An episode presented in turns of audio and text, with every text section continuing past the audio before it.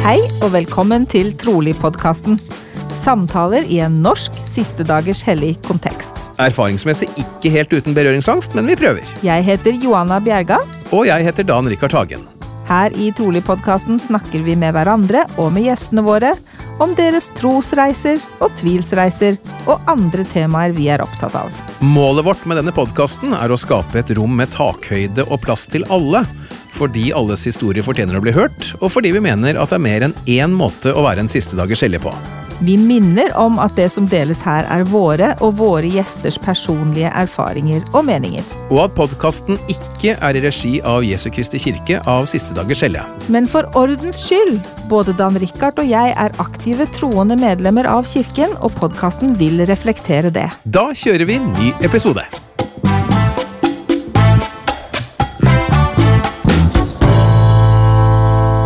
Er det faktisk klart for episode 37 av Trolig-podkasten, Johanna. Så langt har vi kommet.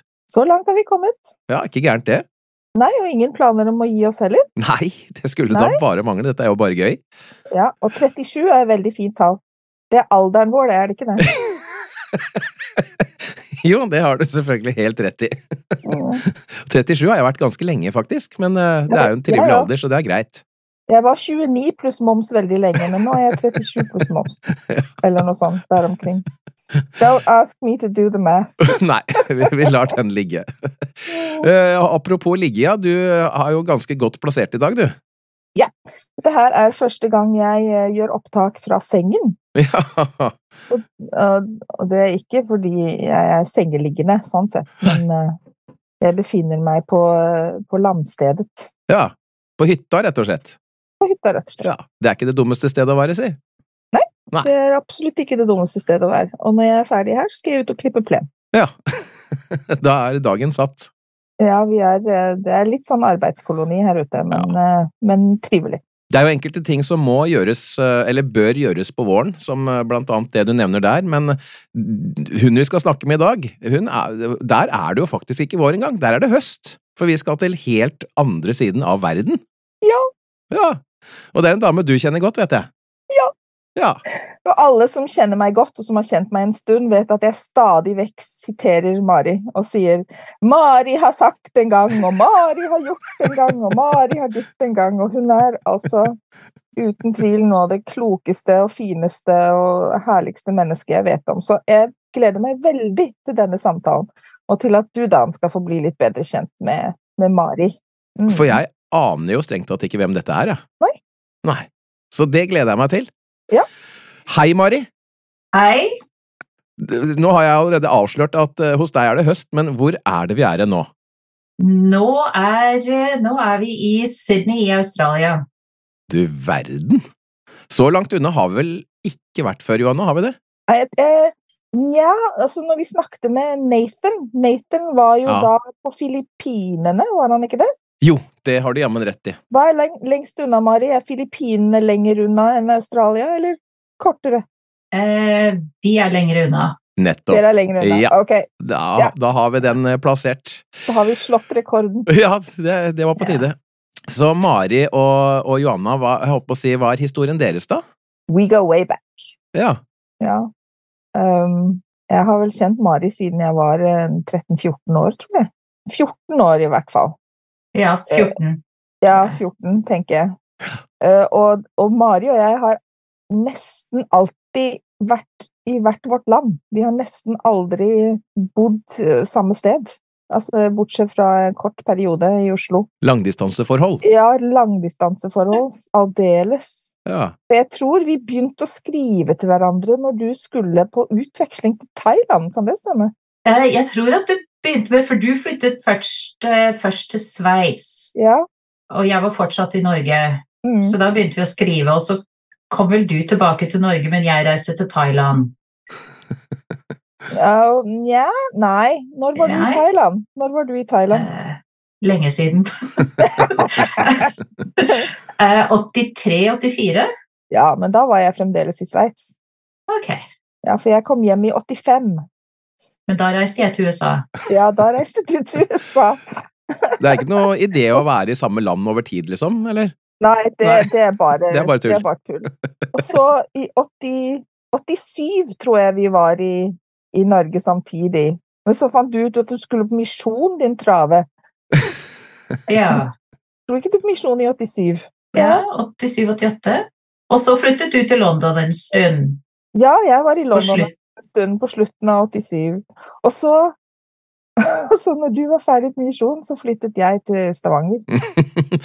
Men det vi i hvert fall skjønner her nå, er at uh, vi har en ganske spennende historie som vi skal ta fatt på. Ja.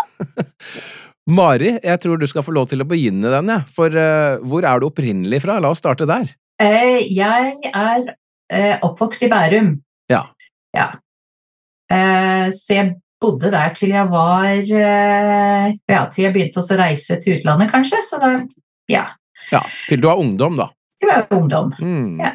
Og så begynte reisevirksomheten som aldri tok slutt. Nei. Det, det stemmer, ja. Så det, jeg, jeg har vært hjemme sånn innimellom eh, forskjellige reiseopphold eller utenom, utenlandsopphold, men eh, ja, stort sett så var jeg hjemme i Norge til jeg var 17. Riktig. La oss høre litt om eh, familien din, eh, hvis vi starter der, da.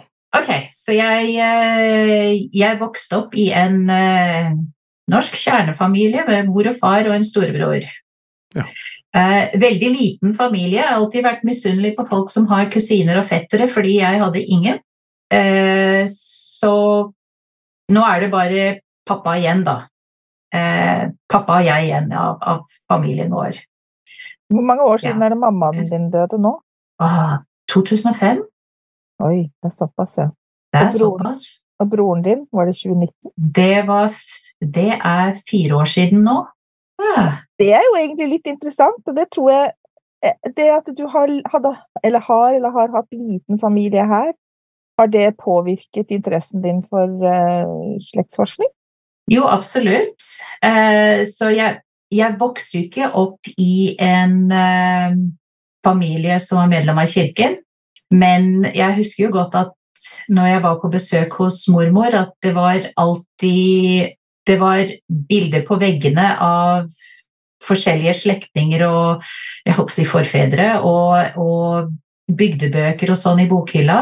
Så jeg fikk alltid høre historier om eh, besteforeldre, oldeforeldre, tippoldeforeldre og, og disse gårdene som de kom fra da i, de, i området rundt eh, der hvor mormor bodde.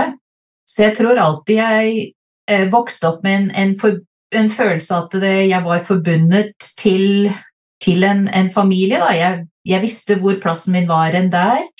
Så jeg tror absolutt det at jeg, jeg interesse av slektsforskning kom derfra, og, og at jeg har ja, Jeg vil jo si at jeg bygger opp velkomstkomiteen min med, med slektsforskningen min nå. Uh, ja, nå har jeg jo en kjempefamilie. Mm. Så du er ikke sånn som meg, som er sånn klisjé som begynner med slektsforskning når man bikker 50, liksom. Du har jo holdt på med det siden du var ung. Ja, jeg begynte jo når jeg var Jeg tror jeg begynte på alvor eh, etter at jeg kom hjem fra misjonen, tror jeg.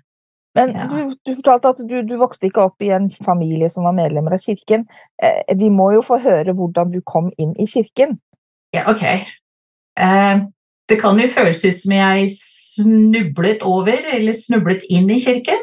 Eh, jeg ble konfirmert i statskirken, og eh, det var vel ikke så lenge etter at eh, jeg ble konfirmert, eh, og så skulle jeg begynne på videregående skole.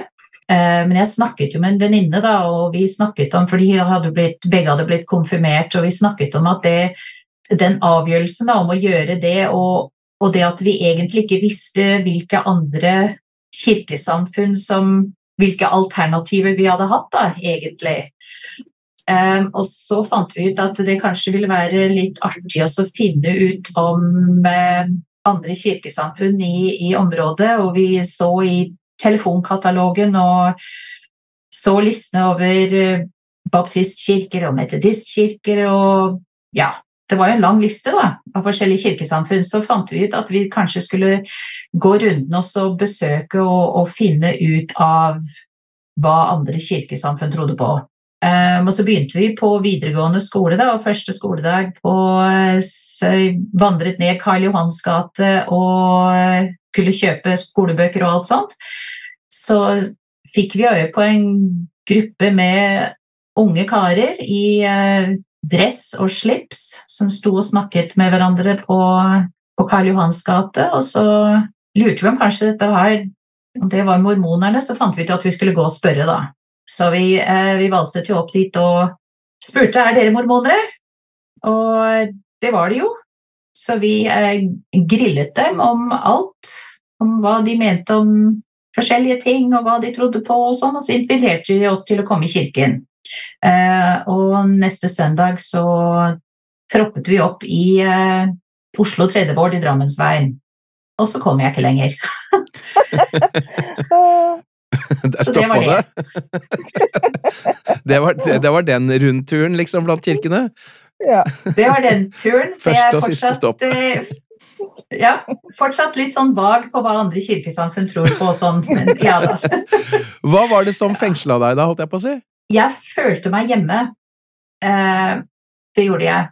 Og eh, nå vet jeg jo sånn på etterhånd, så vet jeg jo hva det var jeg følte. Mm. Og etter at vi hadde vært i kirken da den første søndagen og, og begynte å bli undervist av misjonærene og sånn, så, eh, så var det jo ganske mange ting som var eh, litt annerledes, annerledes av det enn det jeg hadde blitt undervist om i statskirken, men um, det føltes så riktig alt sammen. Mm. Det, det føltes veldig riktig. Det føltes, det føltes at jeg, jeg kjente det igjen. Mm. Ja. Mm. Og Dette er jo en fellesnevner, Johanna. Når vi snakker om trosreisen, så er det veldig mange som sier 'jeg følte at jeg kom hjem'. Mm. Ja, så det er litt ganske- interessant. Ja, det er kjempeinteressant, Ja. faktisk. Hvor lang tid tok det før du ble døpt?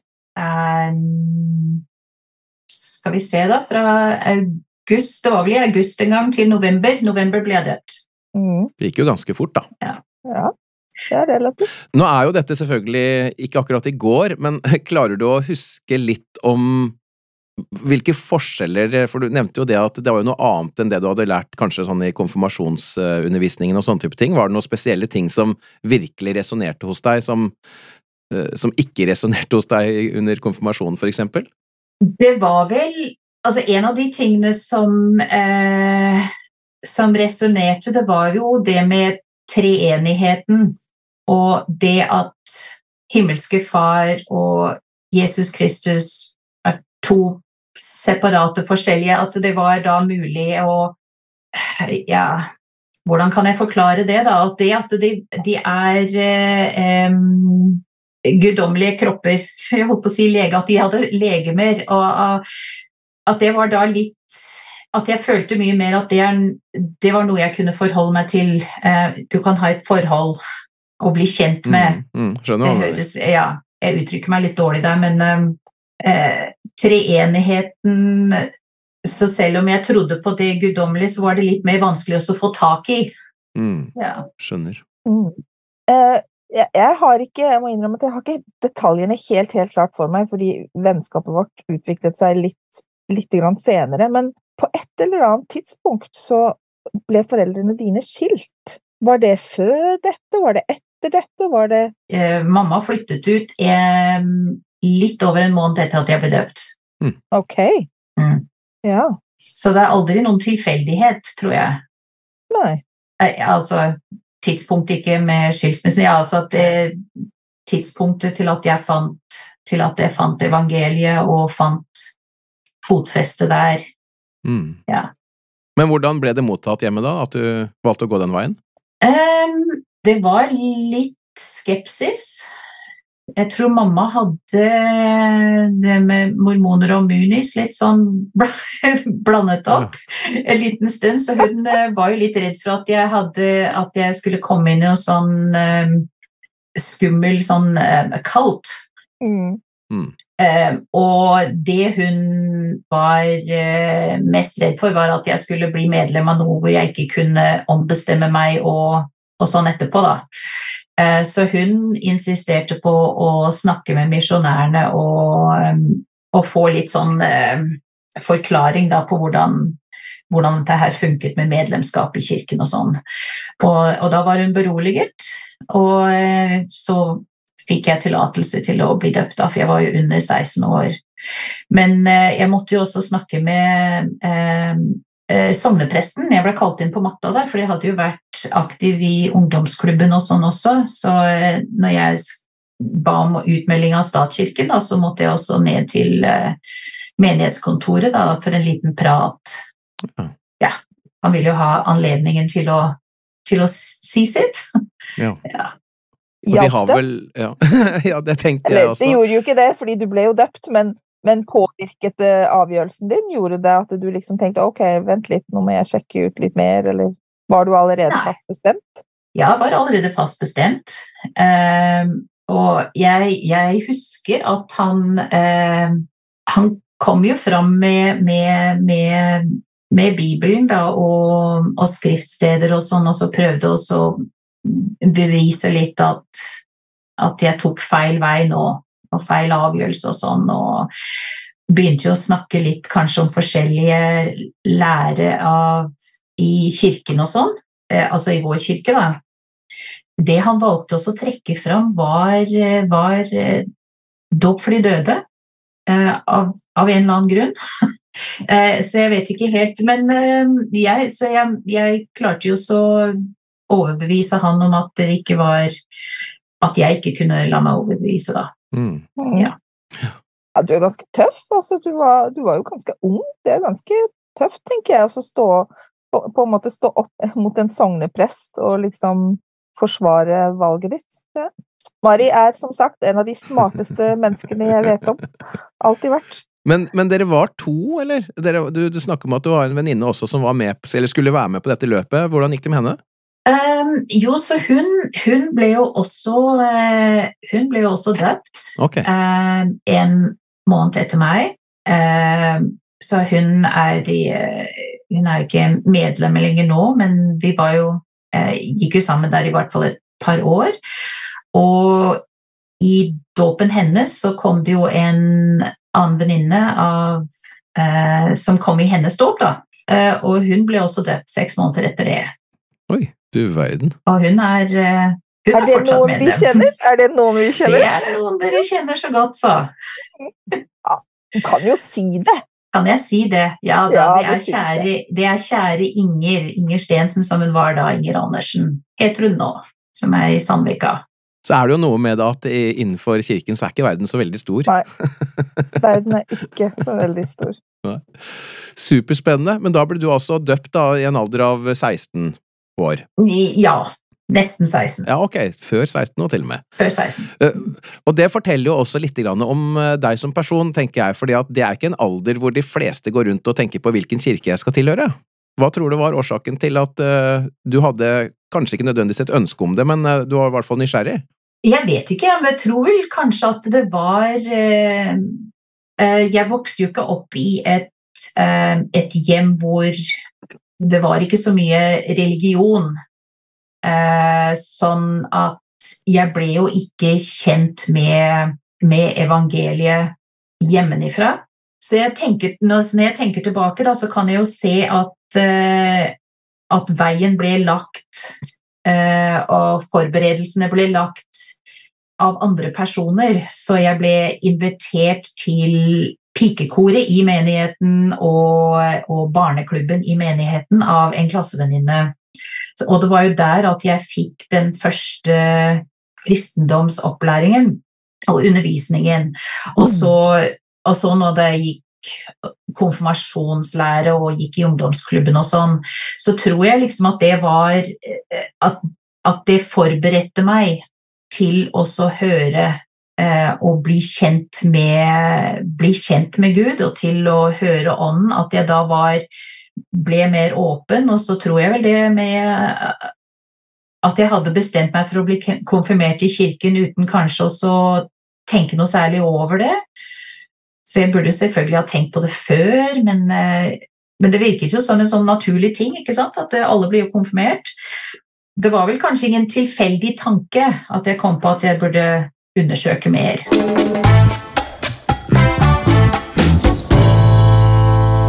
Hører på Trolig-podkasten med Johanna og Dan. I dag snakker vi med Mari Firtel i Sydney, Australia. Og hun har fortalt oss om hvordan hun kom inn i kirken. Men så skjedde det uh, masse spennende. Og du har jo levd mer av livet ditt utenfor Norge enn i Norge nå, etter hvert. Uh, og det begynte med at du dro på utveksling, og jeg, jeg, mener å huske at du sa at du trodde eller hadde forventet at du skulle på utveksling til et spansktalende land, eller Sør-Amerika eller noe sånt, kan det stemme? Det stemmer, fordi jeg hadde jo tatt eh, eh spansk på videregående. Mm. Eh, så jeg hadde jo syntes at det var At det ville være spennende. Mm. Jeg reiste jo ut med, med AFS, utvekslingsorganisasjon. Og i det første intervjuet da, som jeg hadde med dem, så, så spurte de hvilket, eh, hvilket, land jeg kunne tenke meg å reise til. Og da hadde jeg, hadde jeg akkurat lest i lokalavisen om en som hadde gått på samme skole, som hadde bodd med familien sin i Thailand en stund. Så det var jo det som satt i huet på meg. da, ikke sant? Og så sa jeg ja, et, et land som er helt annerledes, ikke Europa eller USA, sånn som f.eks. Thailand. Uh, som sagt, så gjort. Og så ble det. Mm, så ble det, sånn ble det, det Thailand. Ja. Og, ja. Så, så, hvis han hadde bodd i Venezuela, eller noe sånt, så kan det kanskje vært annerledes. Men jeg husker, jeg husker, fremdeles liksom etter hvert så du, du, For du lærte deg jo faktisk thai. Du gikk ja, på thailandsk skole og skoleuniform og full pakke. Husker du skrev brev, jeg husker brev hvor det liksom sto adressen min på thai ved siden av liksom min, min vanlige adresse, da. Jeg var så dypt imponert. Altså, det er jo et helt annet skriftspråk. Ja, men det er Jeg, Jeg håper å si et alfabet. Så det er jo ikke sånn at det er symboler det er jo ly... Ja, hvordan sier du det, da? At det er fonetisk? Mm. Ja. ja. Husker du Så, noe her eh, nå? Sitter det noe igjen etter alle disse årene? Liksom, det sitter du... enkelte ting igjen, men det er, nei, det, er, eh, det er, svært lite som sitter igjen nå. Kan du ja. lese det fremdeles, liksom? Nei, det kan jeg ikke. Nei. Jo, skulle du sagt noe. Ja, selvfølgelig kan jeg lese thai. Men dette var jo da etter du ble medlem av kirken. Hvordan eh, fulgte du opp det i Thailand? Det var jo medlemmer i Thailand, og i den byen jeg bodde, så var det en liten gren med fem-seks medlemmer, også misjonærene, tror jeg. Ja. ja. Og dit dro du? Og dit dro jeg. Ja. ja. Det er også bra gjort eh, av en ungdom, da, vil jeg si det var jo veldig koselig, og det var jo de, de, var jo så, de var jo så glad for at jeg kom, fordi jeg snakka om å spille piano, så jeg spiller jo Det er jo må, måteholden, holdt jeg på å si, pianospill. Så de sa det, ja, vi trenger noen som kan spille piano på, eh, på nadværsmøtet. Så viste det seg at dette her var et sånt lite sånn eh, pumpeorgel. så, sånn at jeg måtte jo sitte og ta trå med bena da, for at det skulle bli lyd. Så det ble jo sånn at volumet gikk opp, og så gikk det litt ned, og jeg ble sliten i beina. Og sånn. og så var det jo enkelte, enkelte, salmer som jeg bare kunne spille med én hånd, men de syntes jo dette her var greit, så det var jo veldig sånn uh, affirming. Det var jo veldig uh, godt for selvtilliten, det var. ja. Hvor lenge var du der, da? Jeg var der et år. Så jeg gikk på, gikk på skole og bodde, bodde, hos en uh, familie med et par barn på samme alder, eller ungdommer på samme alder som meg, da. Mm. Mm. Men hvordan opplevde du det, da? For du var jo relativt ferskt medlem. Uh, og, og, kjente da Drammensveien, som du sier, 96G, mm. og så plutselig havner du i Thailand uh, i en ja, ganske annen kultur og sånn type ting også, men hvordan opplevde du da å gå i kirken der? Jeg husker jo det at det var eh, litt Det var jo litt omstilling, for jeg, jeg husker jo jeg spurte om sånne ting som eh, hjemmelærere og sånt, og da, da fikk jeg høre at det kanskje ikke var sånn som det skjedde, og det var jo ikke Det var jo ingen unge kvinner-klasse der, for det var jo ingen unge kvinner. Så jeg eh, gikk jo rett inn i hjelpeforeningen, da, som det var. Mm. Men misjonærene var jo de som som kanskje tok over den rollen da, som eh, hjemmelærer og besøkende lærerinner og sånn. Og, og, de fortsatte jo da kanskje litt undervisningen, da. Fordi alle de som var medlemmer av den grenen, de var jo også forholdsvis nye medlemmer. Eh, det var vel ingen som hadde vært medlemmer i mer enn noen år, tror jeg. Ok. Et par-tre år, så Vet du noe om den grenen i dag, eller? Nei, det burde jeg faktisk eh, se litt på. Jeg kan jo tenke meg at det nå er en eh, menighet. De får jo De får jo Det skal jo snart bli bygget et tempel. Ja. Mm. Spennende. Nei, så jeg, det var jo, jeg bodde jo i en liten by i, eh, helt nord i Thailand, men den er vel mye større nå. Mm, ikke sant? Men så kom du hjem, og hva var det som gjorde at du bestemte deg for å dra på misjon? Først så reiste jeg til USA. Og ja, stemmer det. Jeg håper å det her kommer til å ta riktig lenge, men den, Ja. jeg er fortsatt ikke mer enn 18 år, nei. Eh, Ja, du var i USA. vi har fortsatt ja, 30 år å gå. Ja, ja. Ok. Eh, Jeg visste ikke, etter, etter videregående så visste jeg ikke helt hva jeg skulle gjøre med resten av livet mitt. Så fant jeg ut at eh, kanskje jeg skulle reise litt.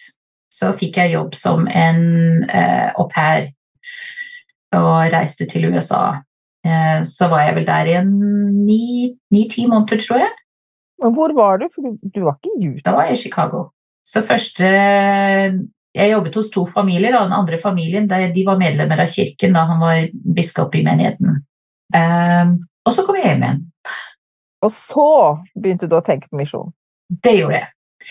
Jeg fikk, jeg fikk et sterkt ønske om, også, om å reise på misjon. Det gjorde jeg. Ja, men Var det reisetrangen som du da opplagt hadde, eller hva var det som gjorde at eh, du ville det? Nei, jeg hadde jo et, jeg hadde jo et ønske om å, om å dele evangeliet.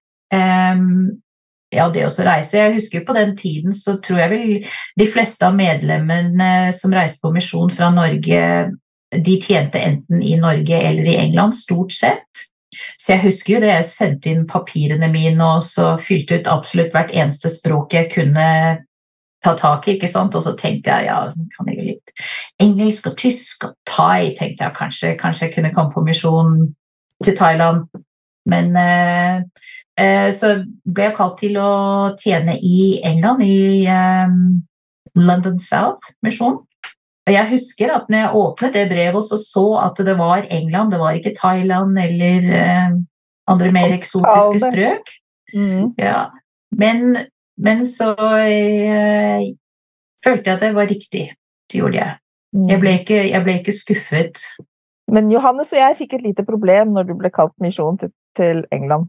Ja. Fordi vi hadde, vi hadde bestemt oss egentlig, eller vi hadde Han fridde jo aldri skikkelig, men, men vi skjønte jo på en måte hvilken vei det bar.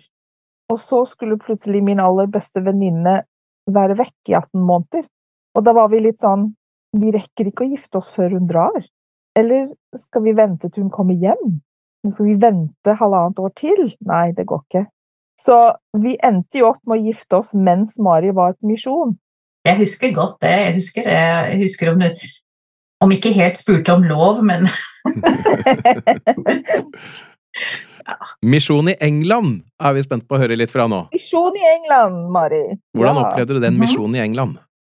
Åh, det var eh, Det var eh, gode tider, og det var utfordringer, og det var vel alt det som en misjon vanligvis er. Eh, Ja, jeg var jo i mange forskjellige områder hvor eh, jeg fikk kontakt med mange forskjellige mennesker, og de stort, stort sett så var de jo ikke så veldig interessert i å høre om evangeliet. Det var jo veldig mange mye banking på dører og nei takk, nei takk, nei takk.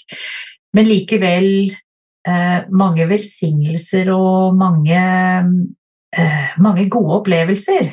Og de gangene hvor, eh, hvor vi fikk undervist om evangeliet og sånn. Altså jeg tenker jo på etterhånd om at du vet jo egentlig aldri om alle de menneskene som du underviser litt og forteller litt om kirken, og om det ikke akkurat skjer noe da, at det kanskje skjer noe senere, at dette var Mm. første kontakt eller andre kontakt, ikke sant? Så jeg husker at det regnet veldig mye. det regnet veldig ofte. Eh, Det var jo ett et område jeg var i, og det var jo så mye, det var jo så mye regn, og det var de fleste bilene syntes det var veldig morsomt å kjøre gjennom disse her vanndammene, og så ble vi jo kliss våte, da, for de ble jo sprøyta ned med, med, vann. Så det var jo en dag at vi måtte jo gå hjem til leiligheten, eller hjem til hybelen, eh, etter bare et par timer fordi vi hadde sluppet opp for tørre klær. Men det var jeg, jeg jo mange, fikk jo veldig mange gode venninner av de som var ledsagerne mine, og eh, hadde mange gode opplevelser med å undervise evangeliet. Det hadde jeg. Jeg var en stund i, i Sør-London, i Peckham, og der var jo befolkningen stort sett eh, vestafrikanere eller fra Vest-India, vestindiske øyer. Og, og, det var jo en, som å komme til en helt annen verden i eh, De var jo så mye mer åpne for å høre om det vi hadde å fortelle at eh, vi behøvde jo ikke å banke på dørene engang. Vi, vi satt på McDonald's og snakket med folk og spurte om vi kunne komme oss og fortelle et budskap eh, om, om, Jesus Kristus. Og da fikk vi jo invitasjon til å komme hjem til folk, og de inviterte venner. Og, så det var jo en stor opplevelse.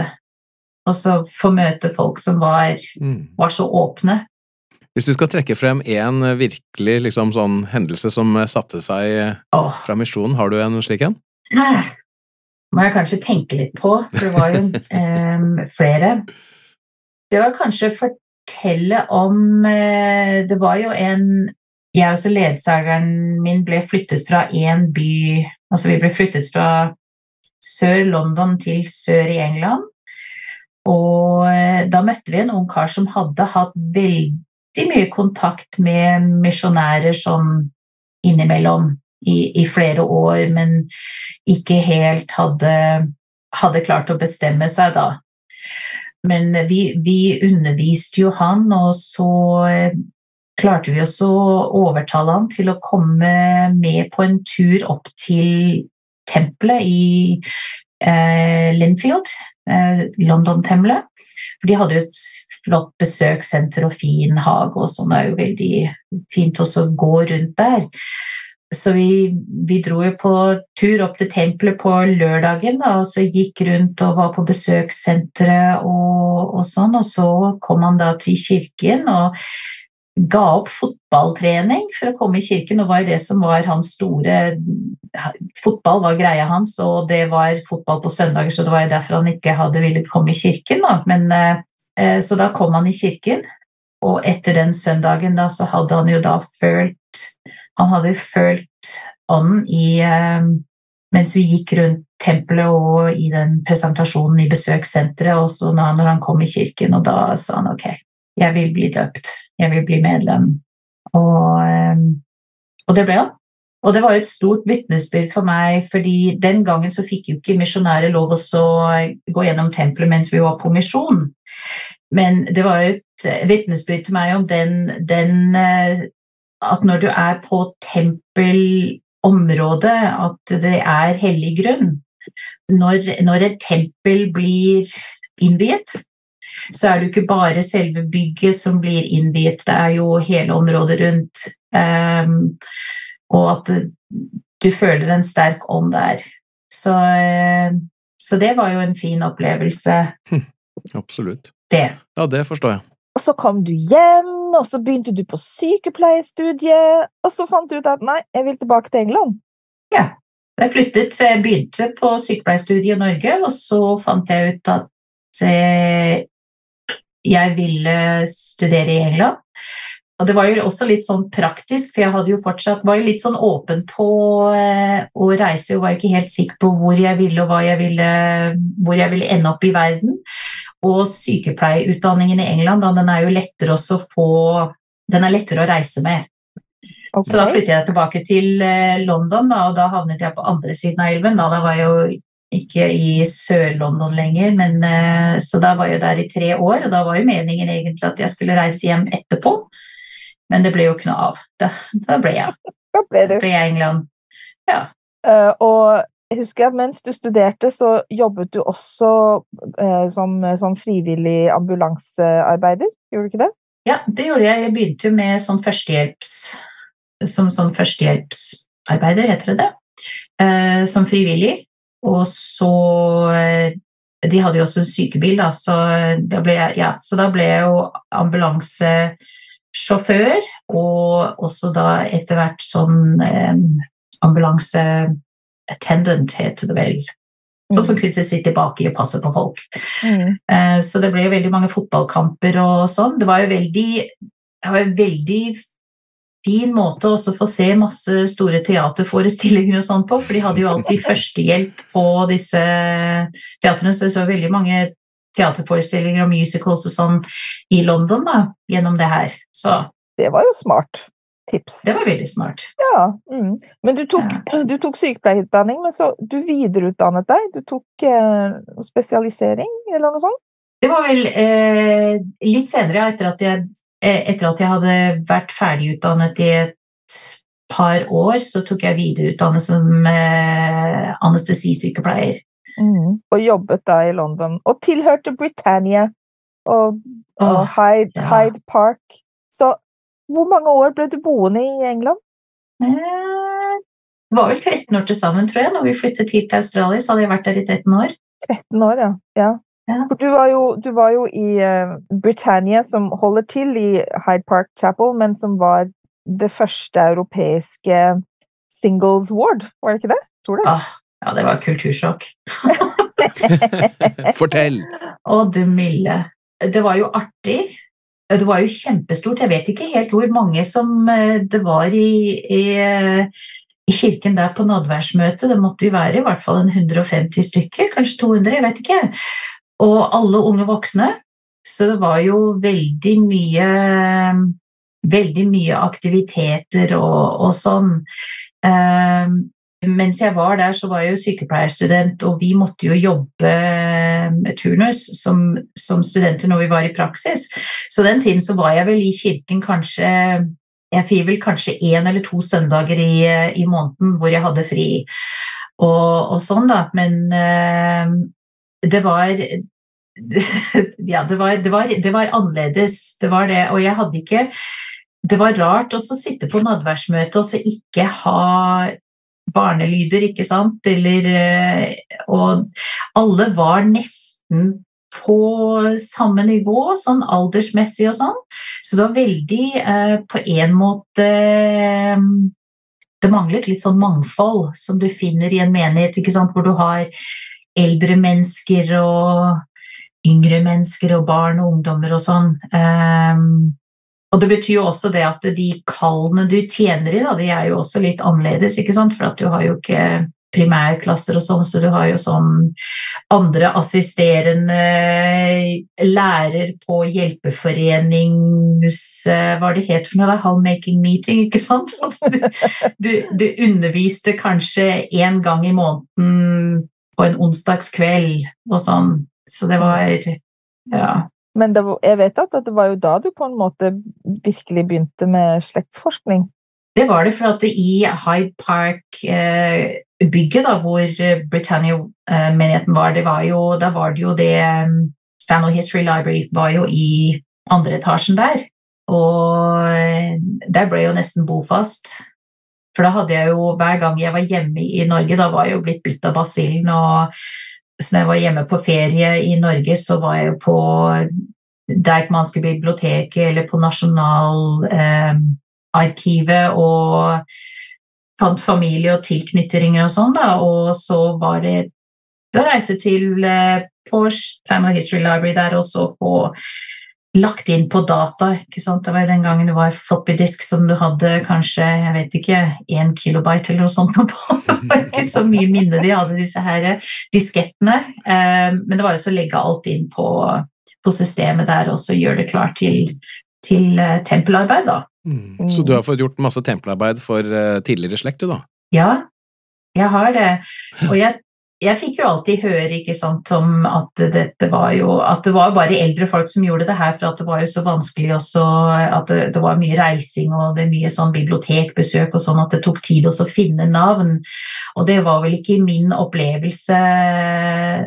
Jeg fikk jo mye sånn at det bare deiste ned i fanget på meg. Ikke sant? At jeg Mm. det var ikke bare én eller to familier, det var hundrevis av navn om gangen Mm. som jeg fant. Og, og sånn, så jeg, jeg, jeg, jeg skjønte jo etter hvert altså Det tok jo litt tid før at det gikk opp for meg da, at det kanskje var ikke var eh, Min misjon var vel kanskje ikke også at også finne, men det var også å ta det neste, neste skrittet, da, og så få eh, tempel, tempelarbeidet gjort. Mm. Hva, hvordan har du opplevd det arbeidet, å, å, å gjøre tempelarbeidet for uh, slektninger? Oi, oi. Ehm, Jeg har et utrolig sterkt vitnesbyrd om om slektsforskning og tempelarbeid og um, hvor viktig det er. Um, det begynte vi jo litt i begynnelsen, så var det jo det at det var jo veldig artig. Det var jo, det var jo morsomt, det var spennende å finne Og etter hvert så hadde jeg jo mange åndelige opplevelser hvor, eh, hvor jeg følte at dette var ting av evig betydning, at det var mer enn å finne navn og sette navn på papir, eh, men at dette var også eh, bygge evige forbindelser og forhold. Og jeg, jeg husker at jeg satt en gang og tenkte over, eh, tenkte over familietrær og tenkte over slektsforskning da, sånn generelt og lurte på hvor, hvorfor jeg følte sånn som jeg følte. Men jeg husker at jeg hadde en veldig overveldende følelse av kjærlighet for familien min, for disse menneskene som jeg som har gått forut for meg, da, som, jeg, som, jeg, ikke kjente, men at jeg følte, jeg følte, at det var familien min, og jeg følte stor kjærlighet for dem. Um, jeg føler at dette er noe som jeg lovet å, å, gjøre. Jeg føler at det at jeg ble født i en familie som Ja, hva skal jeg si, det var jo flere søskner og sånn i foreldregenerasjonene mine ikke sant, og besteforeldregenerasjoner, så var det jo mange søsken, men veldig få i de yngre generasjonene. Sånn at det var jo bare jeg og broren min. Det ble jo sånn jeg holdt på å si sånn omvendt trekant, ikke sant? Ja. Mm.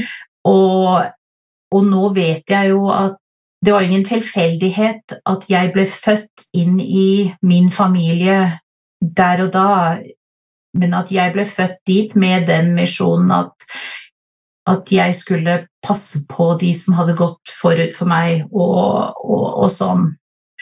Ah, jeg finner, jeg, det, det, det, er vanskelig for meg å uttrykke det her på norsk enn det er på engelsk, tror jeg, men uh, Så jeg følte at det var jobben min, da. Mm. Og at det er derfor jeg ble født der og da. At det var folk som ventet på meg. Ja. Jeg husker da jeg var 29, og det er litt spesifikt, dette her. Jeg skulle til London og besøke Mari, og så hadde vi faktisk planlagt det sånn at, at vi skulle kunne dra til tempelet sammen. Og da spurte mamma om jeg kunne ta med et navn for hennes grandtante. På det tidspunktet hadde jeg ikke gjort noe slektsforskning og hadde aldri hatt med egne navn til tempelet. Og da husker jeg at Mari, du hjalp meg også gjøre det klart, liksom, på Family History Library før vi dro, og så dro vi til tempelet, og så fikk vi gjort både dåp og forberedende og og begavelsessesjonen for henne. Og grunnen til at jeg husker det så godt, var at når vi gikk gjennom opplysningene på kortet, så fant vi ut at hun døde da hun var 29. Så hun var akkurat like gammel som det jeg var da, og hun etterlot seg fem barn. Og jeg var jo òg altså, småbarnsmor på det tidspunktet, og bare den og det, det, gjorde noe med meg, og det å vite at, at jeg nå gjorde tempelarbeidet for en, for en, en slektning som hadde vært akkurat min alder, og som hadde etterlatt seg fem barn, for hun døde i barsel når hun fødte det femte barnet, tror jeg. Det ble så nært og, og virkelig og, og, og, veldig, veldig spesielt, og hente i meg en sånn bitte liten sånn åh, dette har jeg lyst til å gjøre mer av. Og så gikk det fremdeles mange år før jeg egentlig ble interessert i slektsforskning igjen, men jeg vil aldri glemme det, den lille dråpen der som Mari var en så viktig, viktig del av. Husker du den dagen i tempelet? Ja, jeg husker det. Ja, det var, det var veldig spesielt. Men du fikk på en måte litt for lang tid, etter mitt skjønn, til å være ung og singel og, og holde på med slektsforskning i London. Fordi jeg giftet meg og fikk eh, flere barn veldig fort, og Mari var singel. Og jeg syns dette var så utrolig feigt. Også det å være i Britannia, hvor det var så fokus Det var jo derfor de hadde Singles Ward. Det var jo for å prøve å få til så mange ekteskap som mulig. Men åssen eh, opplevde du det? Jeg husker jo at det var jo eh, Det var en veldig sånn uh, rar blanding, egentlig. fordi at selv om kanskje, kanskje nettopp fordi at det var det som kanskje skulle være fokus, ikke sant? at disse unge menneskene skulle finne hverandre.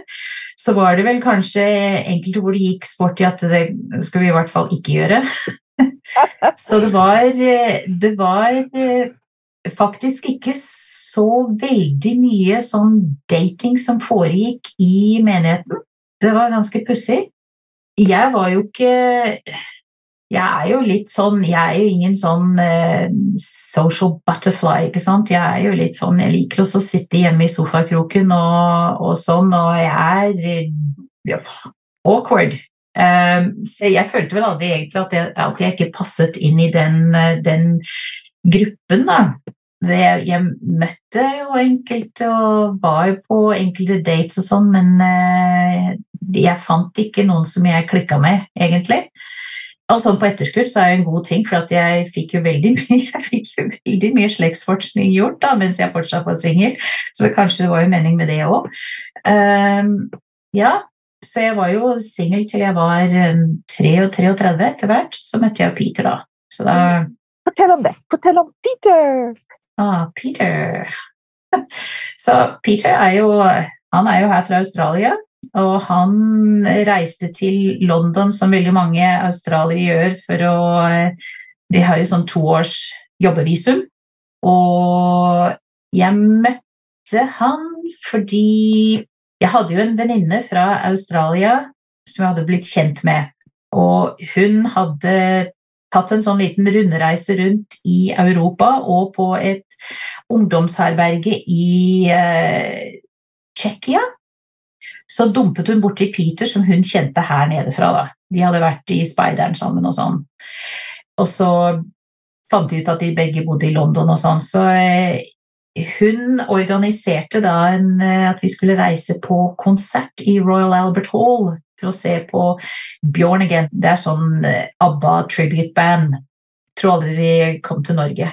Ja, så Jeg liker jo egentlig også å si det når du spør om hvor, jeg møtte Peter, så kan jeg da si at vi møttes i Royal Albert Hall, og det hørtes jo veldig sånn uh, highbrow, ikke sant? Uh, men det var altså en sånn ABBA tribute-konsert. Uh, så det var der vi møttes. Så jeg ble jo litt bedre kjent med han neste uke og da, hvor han reddet meg fra en, en, en, en ganske full person som insisterte på å høre om hva jeg trodde på, hva, hva mormonerne tror på. Og da var det Peter da, som steppet inn og fortalte om mormonkirken. ja. Som han, han kjente ikke bare om av. Nei, som han ja. ikke er medlem av. Ja. ja. Nei, ja. Men visste om på grunn av deg? Nei, dette her var, var vel bare andre gangen jeg hadde møtt ham. Okay. Så han eh, hadde dette sånn Han er jo sånn eh, støvsuger. Han, han suger jo opp fakta og kunnskap om stort sett alt. Så eh, han vet veldig mye om mange ting. Mm. Så det var jo da et eller annet i, i kartoteket da, som han hadde oppi huet sitt. Så vi ble jo gift, da, og så nå har vi familie. Vi fikk tre barn, alle ble født i England, og så flyttet vi hit. Men uh, han er jo fortsatt ikke medlem. Men han vet åpenbart en del? Og det skal jo sies. Jeg husker at da ungene var små, så ble han jo med en del for å hjelpe deg å passe på ungene, sånn at du kunne fungere i menigheten. Altså jeg, jeg har i hvert fall alltid opplevd ham som relativt støttende. da. Oh, ja, alltid, han har alltid vært, eh, alltid vært, støttende, alltid vært åpen sånn. Han kom jo i kirken, han var jo i kirke med oss eh, hver eneste søndag, for det hadde jeg jo når vi flyttet hit til Australia, da, så hadde jeg jo Det var jo én på tre, én på to og så en baby. Eh, så han kom i kirken hver søndag da, for oss å sjonglere og, og sjonglere eh, småtroll, sånn at jeg kunne tjene i, i kall. Jeg underviste jo søndagsskolen og sånn. Så ja, nei, det var jo veldig greit.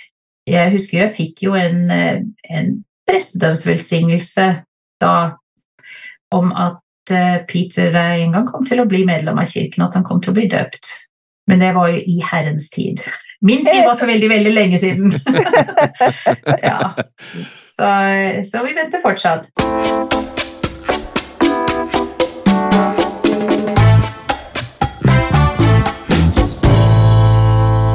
Så dere flyttet til Australia for litt over 20 år siden? Ja. Og Australia var jo helt ukjent for deg. altså Dere hadde jo kanskje vært på besøk eller noe sånt før, men, men uh, hvordan var det? Altså bare flytte liksom tvers over på andre siden av planeten og ja, Jeg var ikke helt happy når du reiste vekk fra London. Jeg har jo ikke klart å besøke deg enda. Uh, men uh, det står på planen. Men, men, nå foregriper jeg begivenhetens gang. Fortell litt om Australia. Hvordan var det å flytte til Australia hvordan er det å være medlem av kirken i Australia? Ja, det er jo helt altså, Jeg tror vel at det var kanskje om jeg ikke hadde vært medlem av kirken og ikke visst at eh, jeg kunne du, du, flytter jo inn i et nettverk ikke sant? når du er medlem av kirken og sånn, at du, du, vet, du vet at i hvert fall om alt annet er ukjent, så er det da noe som er kjent inni, inni alt det der. Ellers så tror jeg vel kanskje ikke jeg hadde gått med på det her, å flytte ned hit. Altså, nå må jeg jo si det at det er jo, det er jo veldig flott å bo her. Det er det. Det er, et, det er et godt sted å bo. Jeg er jo egentlig sånn genetisk halv isbjørn, så, det, eh, så sommerne klima, det, sommerklima er jeg ikke så veldig glad i her. Og det er altfor lite snø om vinteren, altså det er jo ikke noe snø. Men eh, folk er hyggelige. Det er jo veldig mye altså Språket er jo, er jo De snakker jo engelsk, men eh, det er jo alt er jo annerledes, ikke sant? Alt fra mm, dyreliv og, og trær og blomster og årssesongene, alt er litt sånn opp ned og annerledes og sånn, og et helt utall kryp som er villig til å gjøre deg skade. um, det syns jeg er så skummelt når jeg tenker på Australia. Ja. Jeg husker jo svigerfaren min, han var jo jeg uttrykket jo at jeg var kanskje litt redd for å møte en av disse her dødelige slangene som fins rundt omkring. Så han, eh, så han sa jo eh, Nah, love, don't worry about the snakes. The spiders will take care of them. Not helping! Han syntes jo dette var festlig, så første gangen, første gangen jeg var på besøk her nede, det var jo før vi ble gift, da la han en, en, en sånn gummi, gummiorm i senga mi. No. Han syntes jo dette var kjempefestlig, da. Ja. Men eh, nei da. Men jeg husker jo første gangen jeg møtte en, eh, altså en av de skumleste edderkoppene som vi har. Den, altså den som ser mest skummel ut, er jo ufarlig. Oh, ja. Eh, men den er jo kanskje Når den er fullvokst, så er den vel kanskje sånn ti centimeter kanskje fra fot til fot, ikke sant? Og så litt sånn hårete og ekkel ut, men den er ufarlig. Men jeg husker jo første gangen altså de, Det hender jo at de eh, finner veien inn i bilen og sånn, og jeg husker første gangen at vi kjørte, og så sa sønnen min og sa 'Edderkopp!'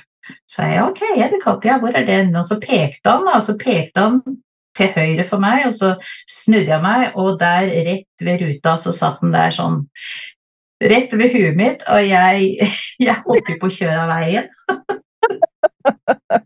og, så, og, så, forsvant den inn i eh, Forsvant inn i eh, eh Hva er det heter for noe, da? Eh, der hvor lufta kommer ut. Ja, ventilasjon. Ventil, ja, ventilasjon, ja. Inn, i bilen, ikke sant? Så jeg kjørte til parkerte til siden av veien, og så ringte jeg svigermor. 'Det kapp i bilen min, hva gjør jeg nå?' og han syntes jo det var morsomt, da. Han var jo snill som han var, så kom han jo kjørende dit jeg var, og så tittet gjennom bilen og sa nei, han har nok, han har nok rømt nå. Eh, men nå er jeg jo venner med dem, da. Edderkoppene, i hvert fall. Men nei, men det er jo et eh, fint sted å bo, og eh, vi har jo et tempel her i Sydney, så det er jeg jo kjempeglad for at det er tempel 15 minutters kjøring unna. For du er tempelarbeider, så du er der ofte. Ja da, jeg er der hver uke. Ah, Litt misunnelig på deg der, kjenner jeg. Men de hadde jo ikke tempel her før skal vi se, Sydney var vel det første, første byen som fikk tempel, og det var jo ikke før 1984, så det var jo veldig forholdsvis sent. Og medlemmene i Australia, de måtte da reise Hvor måtte de? Hvor dro de før det? New Zealand. New Zealand. Så tempelet der i Hamilton, det er jo det er samme type stil som eh, Sveits og London. Ja. Mm. Ja, stemmer. Hvor mange templer er det i Australia nå? Fem. Fem templer, ja. Og hvor mange medlemmer? Det er eh, 150 000 Ja. der omkring. 150-155. Hvor mange staver er det i, eh, i Sydney-området? Ah, I Sydney-området eh, Altså, i delstaten vår så er det vel oh gosh, Hele Australia er det vel et førtitall staver, så i, i Sydney er det eh, fem fem-seks staver kanskje rundt Sydney.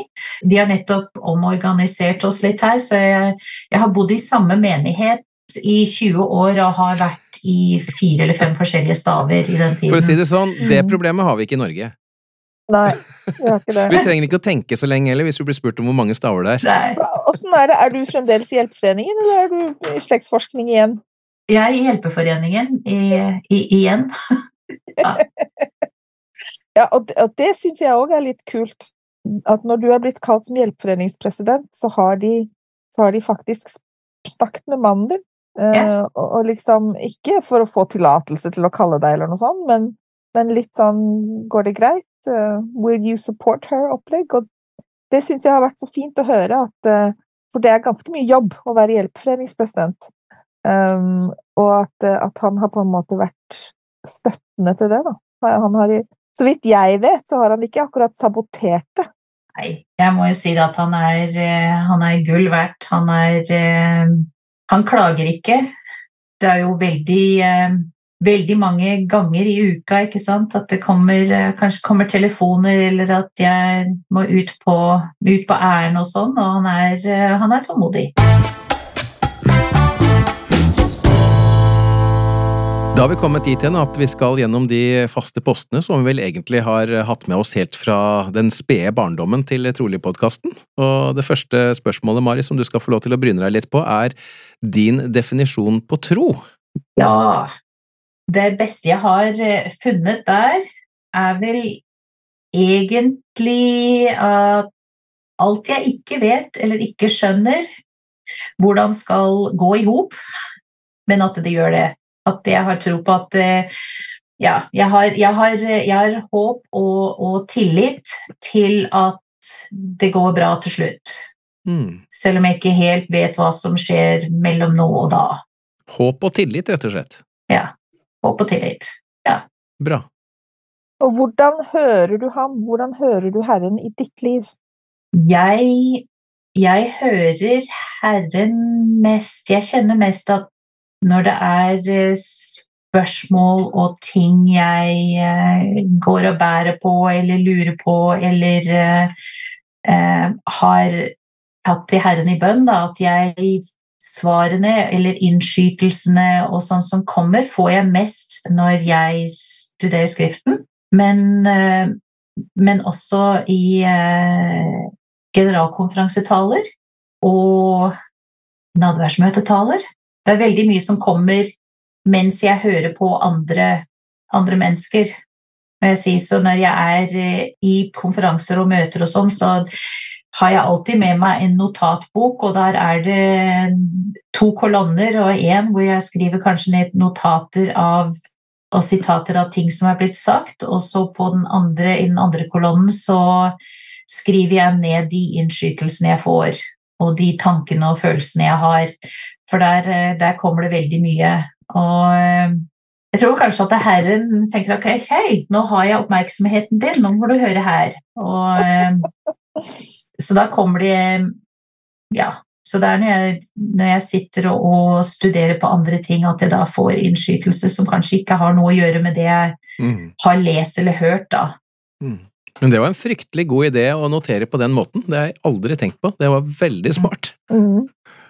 En av mine aller, aller kjæreste eiendeler er en notatbok som jeg fikk av Mari for mange, mange, mange år siden. Jeg har to ting som jeg kommer til å redde i tilfelle brann, utenom kjæledyr og familie. Og det er eh, et lappeteppe som Mari har eh, lagd til meg, eh, og den boken der, tror jeg faktisk. Mari er sånn multitalent. Jeg, jeg, tror, jeg vet ikke om det er noe, noe Mari ikke kan, og hun er litt sånn har jeg lov å si det? Du har ADHD, så du er litt sånn veldig, veldig, veldig mange ting. Det er ikke bare slektsforskning, liksom. Det er alt mulig! Men er ikke en av superpowerne med ADHD at man, når man først går inn for noe, så gjør man det veldig, kanskje? Jo, og, og veldig Ja, og, og er da så, blir det veldig bra. er så flink. Ja. Jeg har et, jeg har et, jeg har et rom i huset her hvor Jeg kanskje åpne butikk der, altså. Fordi hvis det er en eller annen aktivitet, og vi skal lage et eller annet og sånn Ja, jeg tror kanskje jeg har eh, Jeg har, Utstyret. jeg har de tingene vi trenger.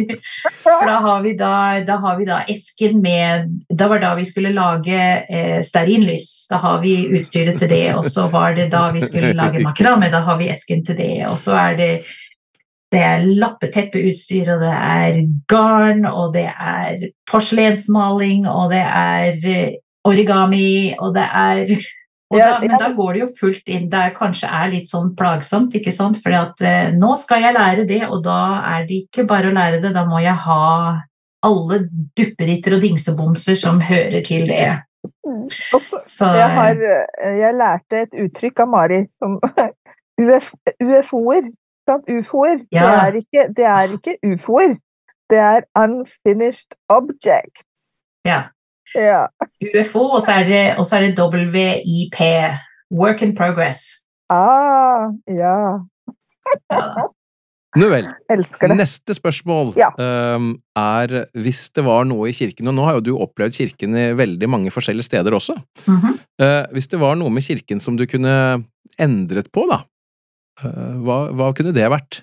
Det vet jeg faktisk ikke, for jeg Ikke fordi at eh, vel, altså, Av min opplevelse så må jeg vel da si at det er eh, Når du snakker om å endre kirken, så på lokalplan Det virker som at hver forskjellige menighet du er i, at det er lokalt, at de er forskjellige Har sin egen lille kultur og sånn. Sånn at det varierer, eh, det varierer veldig sånn fra menighet til menighet, men jeg vet ikke om Jeg har jo sett veldig mange endringer som har kommet, så det jeg føler om endringer i kirken, er vel at de endringer som trengs, de kommer. Men eh, sånn som min opplevelse er, så eh, Jeg vet ikke. Jeg har ikke noe som jeg kanskje ville ha endret på. Og det er lov. Ja, jeg syns jo det er veldig spennende med de endringene som har de, de endringene som har kommet. Ikke sant?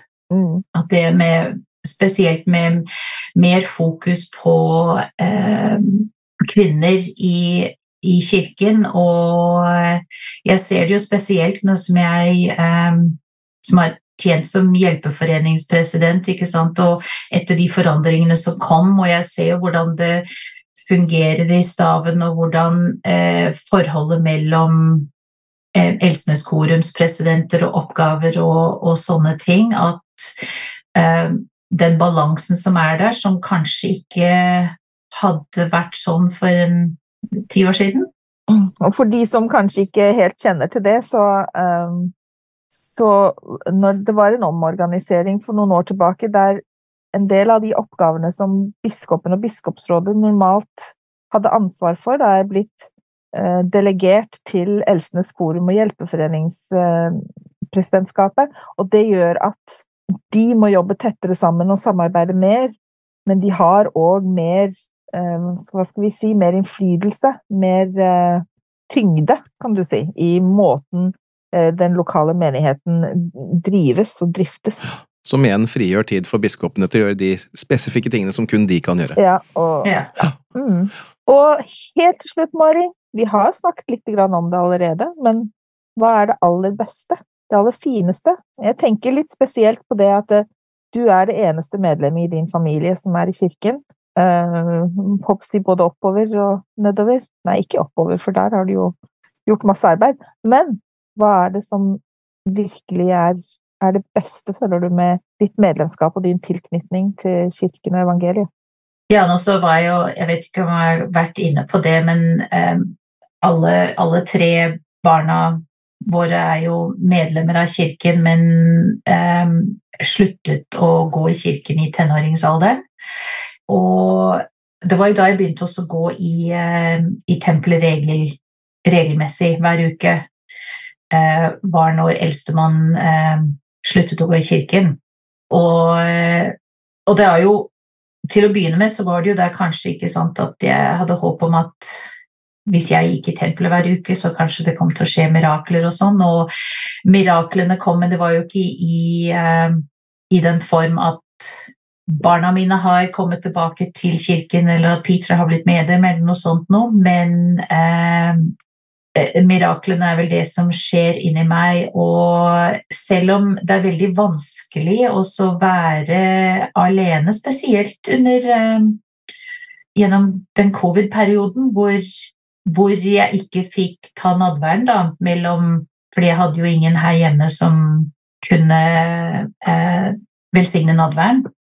Men selv, selv, gjennom de tidene hvor det er vanskelig, så har jeg tro på de løftene som har blitt gitt, og de innflytelsene jeg får om at hvis jeg holder meg trofast, og hvis jeg holder de um, covenants, paktene, pakter, ja, som, jeg, som jeg har inngått, så har jeg tro på at det, at det er et eksempel, og at gjennom, gjennom det at familien min eh, blir velsignet på Kanskje på måter som jeg ikke kan se.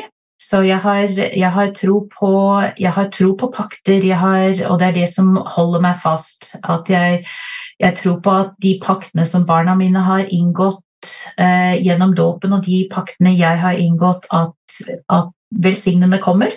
Velsignelsene kommer. Og det er veldig mange store velsignelser som kommer gjennom å være medlem av, av, kirken. Jeg bare tenker på at jeg er jo, jeg er jo sånn eh, in, innadvendt, er det det det heter? Introvert.